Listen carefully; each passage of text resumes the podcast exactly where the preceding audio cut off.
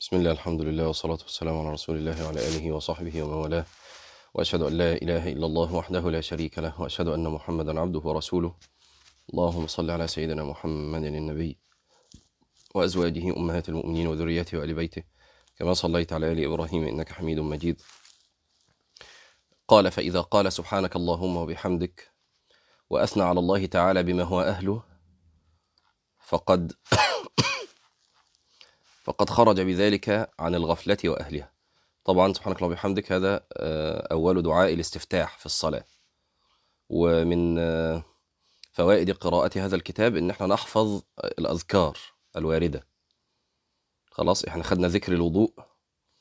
حد يفكرنا بيه بقى يكتبه لنا كده. ذكر الوضوء إيه؟ وعلاقته بالوضوء. كما ما حدش يكتب يعني علاقته بالوضوء. بس حد يكتب لنا بعد الوضوء بيقول إيه؟ فاكرين ولا لأ؟ طيب فإذا قال سبحانك اللهم وبحمدك خرج بذلك عن الغفلة وأهلها لأن الذكر آه، مضاد للغفلة. يعني من ذكر فقد خرج عن الغفلة. فإن الغفلة حجاب بينه وبين الله. وطبعا إحنا عرفنا في المرة اللي فاتت واللي قبلها أنك بين الصلوات تكون في غفلة فإذا دخلت في الصلاة فقلت الله أكبر آه، استفتحت. سبحانك اللهم وبحمدك فخرجت بذلك من أهل الغفلة ودخلت في الذاكرين الله والذاكرات. فإن الغفلة حجاب بينه وبين الله. وأتى بالتحيات والثناء الذي يخاطب به الملك عند الدخول عليه تعظيما له وتمهيدا. مفيش حد بيخش على الملك ملك من ملوك الدنيا ولا رئيس ويبدأ الكلام على طول كده. ما بتحصلش. صح؟ ده حتى لو مديرك في الشغل مدير كبير شوية يعني. تفضل بتاع دقيقتين تلاتة عملت إيه؟ وإزاي حضرتك؟ ويا رب تكون بخير. وصحتك عاملة إيه؟ وقبل ما تبتدي في أي حاجة قبل ما تبتدي تطلب أي حاجة. بل علمنا ذلك الله عز وجل في الفاتحة. مش كده؟ طلبك فين في الفاتحة؟ في الآخر خالص. اهدنا الصراط المستقيم صراط الذين أنعمت عليهم غير المغضوب عليهم ولا الضالين. هذا هو طلبك ودعاؤك لله عز وجل في الفاتحة. فين جه؟ جه في الآخر. طب أول الفاتحة كلها إيه؟ ثناء على الله عز وجل. الحمد لله رب العالمين الرحمن الرحيم مالك يوم الدين إياك نعبد وإياك نستعين اهدنا الصراط المستقيم. فهذا أدب مع الله عز وجل. لذلك كان من آداب الدعاء إنك ما تهجمش على الدعاء على طول ما تدخلش يا رب آه، عاوز كذا وكذا ويا رب اعمل لي كذا وكذا ويا رب. لا في آداب للدعاء. منها أن تقدم الثناء على الله عز وجل بين يدي الدعاء أن تقدم التوبة أن تقدم الصلاة على النبي صلى الله عليه وسلم كل ده بين يدي الدعاء. فإذا فعلت ذلك كان الدعاء أقرب لأن يجاب. فده أدب يا جماعة. يبقى وأنت بتقول دعاء الاستفتاح من من أسرار دعاء الاستفتاح اللي لابد أن أنت تستحضرها معنيان ال- إلى الآن. المعنى الأول إنك بالذكر تخرج عن أهل الغفلة وتدخل في أهل الذكر. تاني حاجة إحنا لسه ما دخلناش في تفاصيل الدعاء نفسه. تاني حاجة إنك بد- بدأت الصلاة التي هي صلة بينك وبين الله وهيبقى فيها كلام بينك وبينه سبحانه وتعالى بالتحيات والثناء وهذا أدب الدخول على الملوك. قال وكان ذلك تمجيدا ومقدمة بين يدي حاجته فكان في الثناء من آداب العبودية وتعظيم المعبود ما يستجلب به إقباله عليه ورضاه عنه وإسعافه بفضله حوائجه بفضله وإسعافه بفضله حوائجه.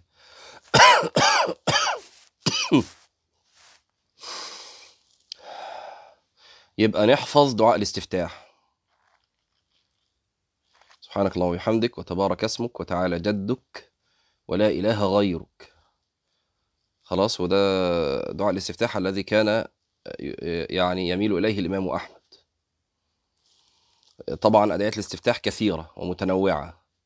اللي عنده همة يحفظها كلها وينوع بينها في الصلاة. ليه؟ لأنك لما بتلزم ذكرا بعينه شوية بيبقى شيء روتيني بتعمله وانت مش مستشعر معانيه. لما تبتدي تبدل بين الأدعية تبتدي تستشعر معنى كل دعاء وتلتذ أو تشعر بلذة مغايرة للذات الدعاء الآخر وهكذا. خلاص أخوك كتب لكم أهو الدعاء بتاع الوضوء احفظوه. أشهد أن لا إله إلا الله وحده لا شريك له واشهد أن محمدا عبده ورسوله. اللهم اجعلني من التوابين واجعلني من المتطهرين. في 30 ثانية كده كان السر بتاعه إيه الدعاء ده؟ مع الوضوء. إن الوضوء طهارة الظاهر. فناسب أن تطهر الباطن. هتطهر الباطن من إيه؟ هتطهر الباطن اولا من الشرك. أشهد أن لا إله إلا الله. ثانيا من البدعة. وأشهد أن محمدا عبده ورسوله. يعني لا متبوع إلا رسول إلا رسول الله صلى الله عليه وسلم. فأنت كده طهرت باطنك من الشرك ومن البدعة. وبقي أن تطهر باطنك مما اقترفت من الذنوب. فهتطهره إزاي بالتوبة؟ اللهم اجعلني من التوابين. شوف المتطهرين جت فين بقى؟ في الآخر خالص. خلاص؟ ولو تفتكروا إحنا قلنا في الحتة دي انك علشان تدخل على ملك من ملوك الدنيا عندك ميعاد مع ملك هتروح له وانت مش نظيف ولا هتدخل تستحمى؟ هتاخد دش وتحط بقى عطر وتلبس أحلى هدوم صح كده؟ ولله المثل الأعلى. أنت هتقف بين يدي الله عز وجل. فطهرت ظاهرك ومن رحمته بنا إنه ما شرعش لنا الغسل في كل صلاة ولو شرع الغسل ما أبعد. سبحانه وتعالى ولا يسألوا عما يفعل وهم يسألون.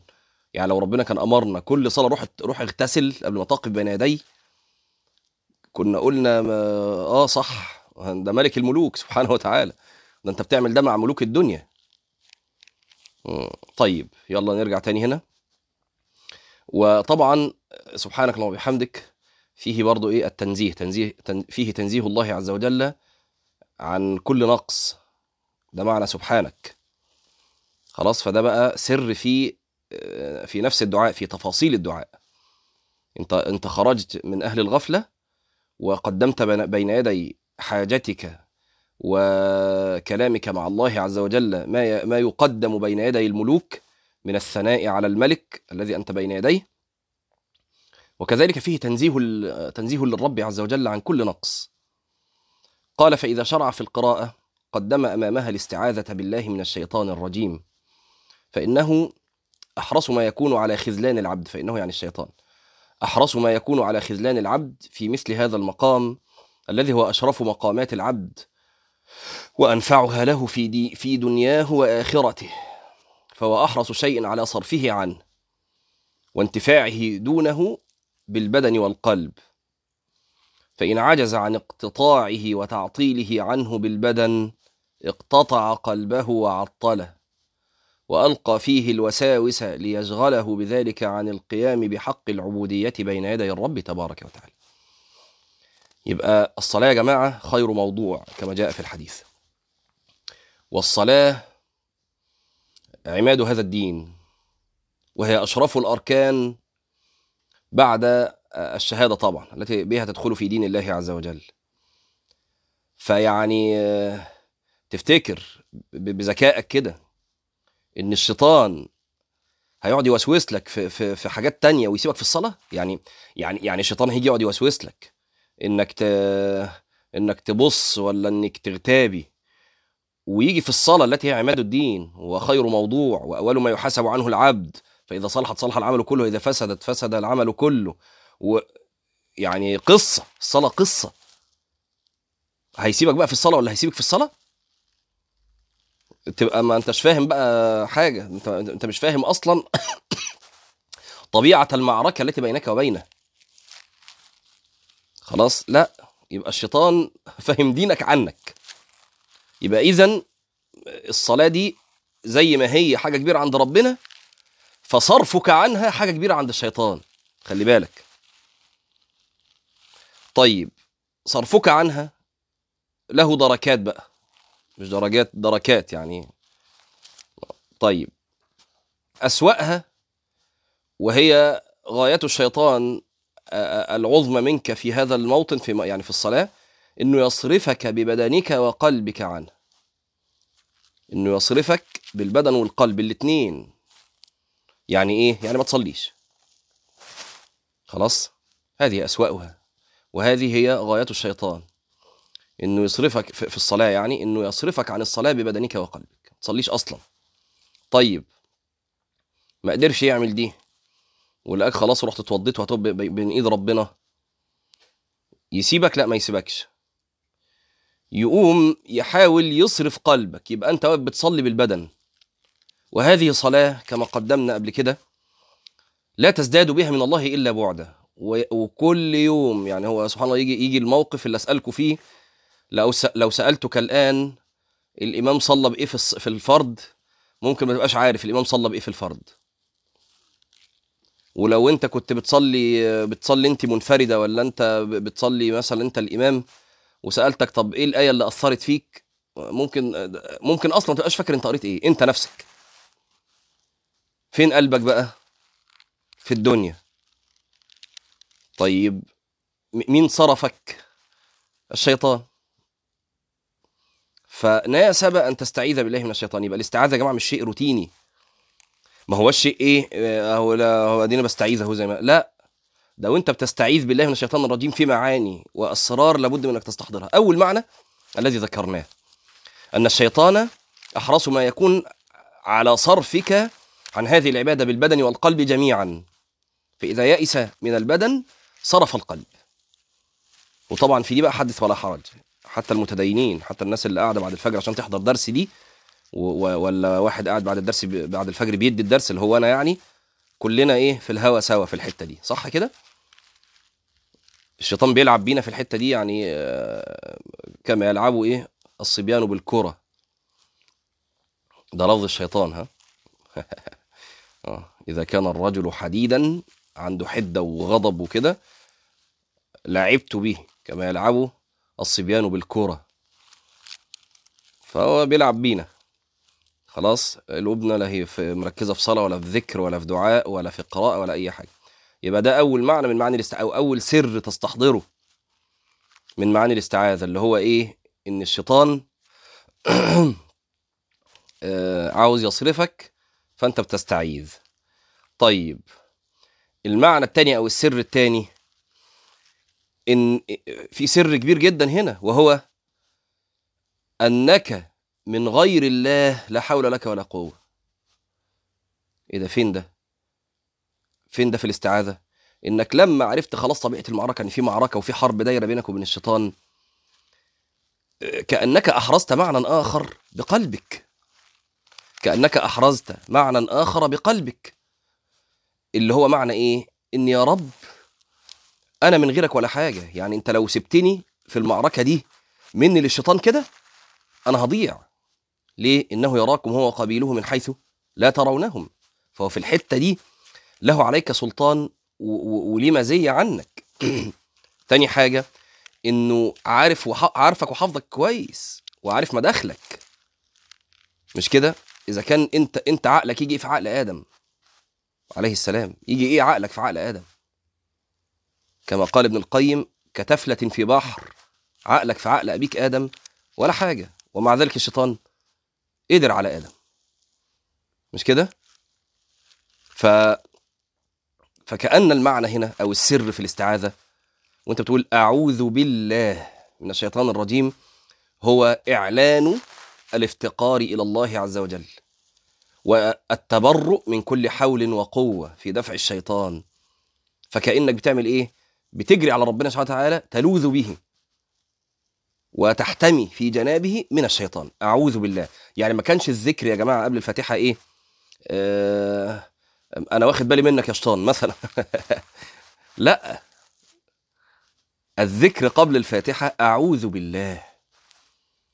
فهذا فيه اولا إعلان آه، ال- آه، التبرؤ من الحول والقوة أنا لا لي حول ولا قوة في دفع الشيطان.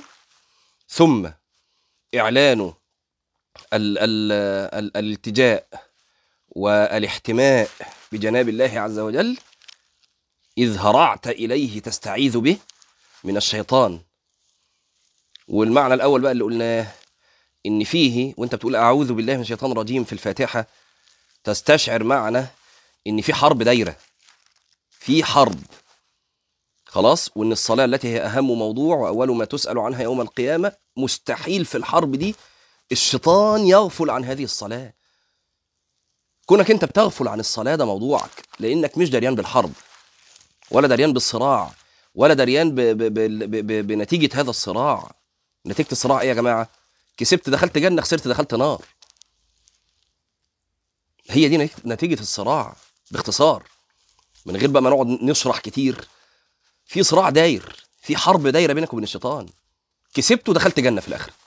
خسرت قدامه ودخلت نار.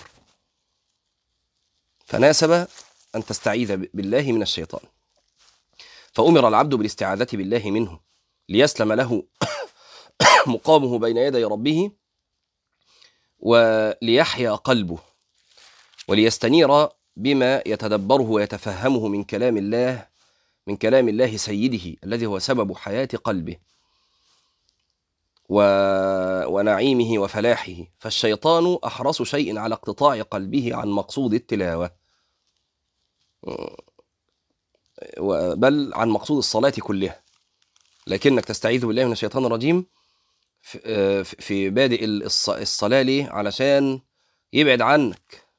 طيب بعد عنك ورجع بعد شوية إيه يوسوس لك تاني. تقوم في حاجة تشرع أختكم بقى كتبت لكم اللي هو الإيه؟ الخنزب إن شيطان الصلاة وكأن يا جماعة برضه حاجة عجيبة كده. كأن الشيطان إبليس يعني الشيطان الأكبر. آه لأهمية الصلاة جند لها واحد كده مخصوص. مفهوم؟ شيطان يقال له الخنزب. فتستعيذ به ثلاثا وتدفل على يسارك. خلاص؟ طيب. قال ولما علم الله سبحانه وتعالى حسد العدو للعبد وتفرغه له وعلم عجز العبد عنه أمره بأن يستعيذ به سبحانه ويلتجئ إليه في صرفه عنه. فيكتفي بالاستعاذة من مؤنة محاربته ومقاومته. آه يعني كأنك لما عملت كده وكلت الأمر لله عز وجل فاستريحت أنت من إيه؟ من الحرب. وكأنه قيل له لا طاقة لك بهذا العدو فاستعذ بي أعذك. تيجي إزاي أعيذك بقى؟ أعذك صح؟ فاستعذ بي أعذك منه واستجر بي اجرك أجيرك إزاي برضه مش عارف. واستجر بي أجرك منه واكفيكه وأمن وأمنعك منه. وقال لي شيخ الإسلام ابن تيمية قدس الله روحه ونور ضريحه يوما إذا هاش عليك كلب الغنم. كلب الكلب عمال يهوهو. تعمل فيه إيه؟ فلا تشتغل بمحاربته ما تقعدش بقى تحدف عليه طوب ومدافعته. وعليك بالراعي. فاستغث به فهو يصرف عنك الكلب ويكفيك. روح للراعي صاحب الكلب وقول له حوش الكلب عني. أنت كده اعمل كده مع الشيطان. فإذا استعاذ الإنسان بالله من الشيطان الرجيم أبعده عنه. فافضى القلب إلى معاني القرآن. يعني بمجرد الاستعاذة لا بس الاستعاذة واحدة من الأسباب. إنما عشان يفضي القلب إلى معاني القرآن إحنا محتاجين حاجات كتير قوي نرفع كل الحجب. مثلا حجاب الجهل. لو أنا جيت قلت لك سورة يحفظها الأطفال قل أعوذ برب الفلق. قلت لك يعني إيه الفلق؟ يعني إيه غاسق؟ ويعني إيه وقب؟ لو أنت مش عارف الحاجات دي هتتدبر إيه أصلا؟ ولا تبقى مركز في إيه؟ حجاب الجهل. فلن ترفع عن نفسك الجهل. علشان تعرف تتدبر معاني القرآن. وحجاب الغفلة. وحجاب الخلطة كثرة الاختلاط بالناس تمنعك برضو صفاء القلب حجاب كثرة الطعام. خلاص ثلاث هن مهلكة الأنام وداعية الصحاح إلى السقام. دوام مدامة ودوام وطئ وإدخال الطعام على الطعام. فالقلب يقسو بهذه الأمور صح؟ فأنت إيه؟ تطهر قلبك بقى من الحاجات دي صح؟ بإيه؟ وكن من الإيمان في مزيد وفي صفاء القلب ذات جديد بكثرة الصلاة والطاعات وترك مال النفس من شهوات فشهوة النفس مع الذنوب موجبتان قسوة القلوب وإن أبعد قلوب الناس من ربنا الرحيم قلب قاسي فيبقى الطاهر حفظتوا الأبيات ولا إيه؟ يلا حد يسمع بقى فأفضى القلب إلى معاني القرآن ووقع في رياضه المونقة وشاهد عجائبه التي تبهر العقول. واستخرج من كنوزه وذخائره ما لا عين رأت ولا أذن سمعت ولا خطر على قلب بشر. وكان الحائل بينه وبين ذلك النفس والشيطان. فإن النفس منفعلة للشيطان. سامعة من مطيعة. فإذا بعد عنها وطرد ألم بها الملك وثبتها وذكرها بما فيه سعادتها ونجاتها. نقف هنا قولوا قولي هذا واستغفر الله العظيم لي ولكم. سبحانك اللهم وبحمدك. نشهد أن لا إله إلا أنت. نستغفرك ونتوب إليك. والسلام عليكم ورحمة الله وبركاته.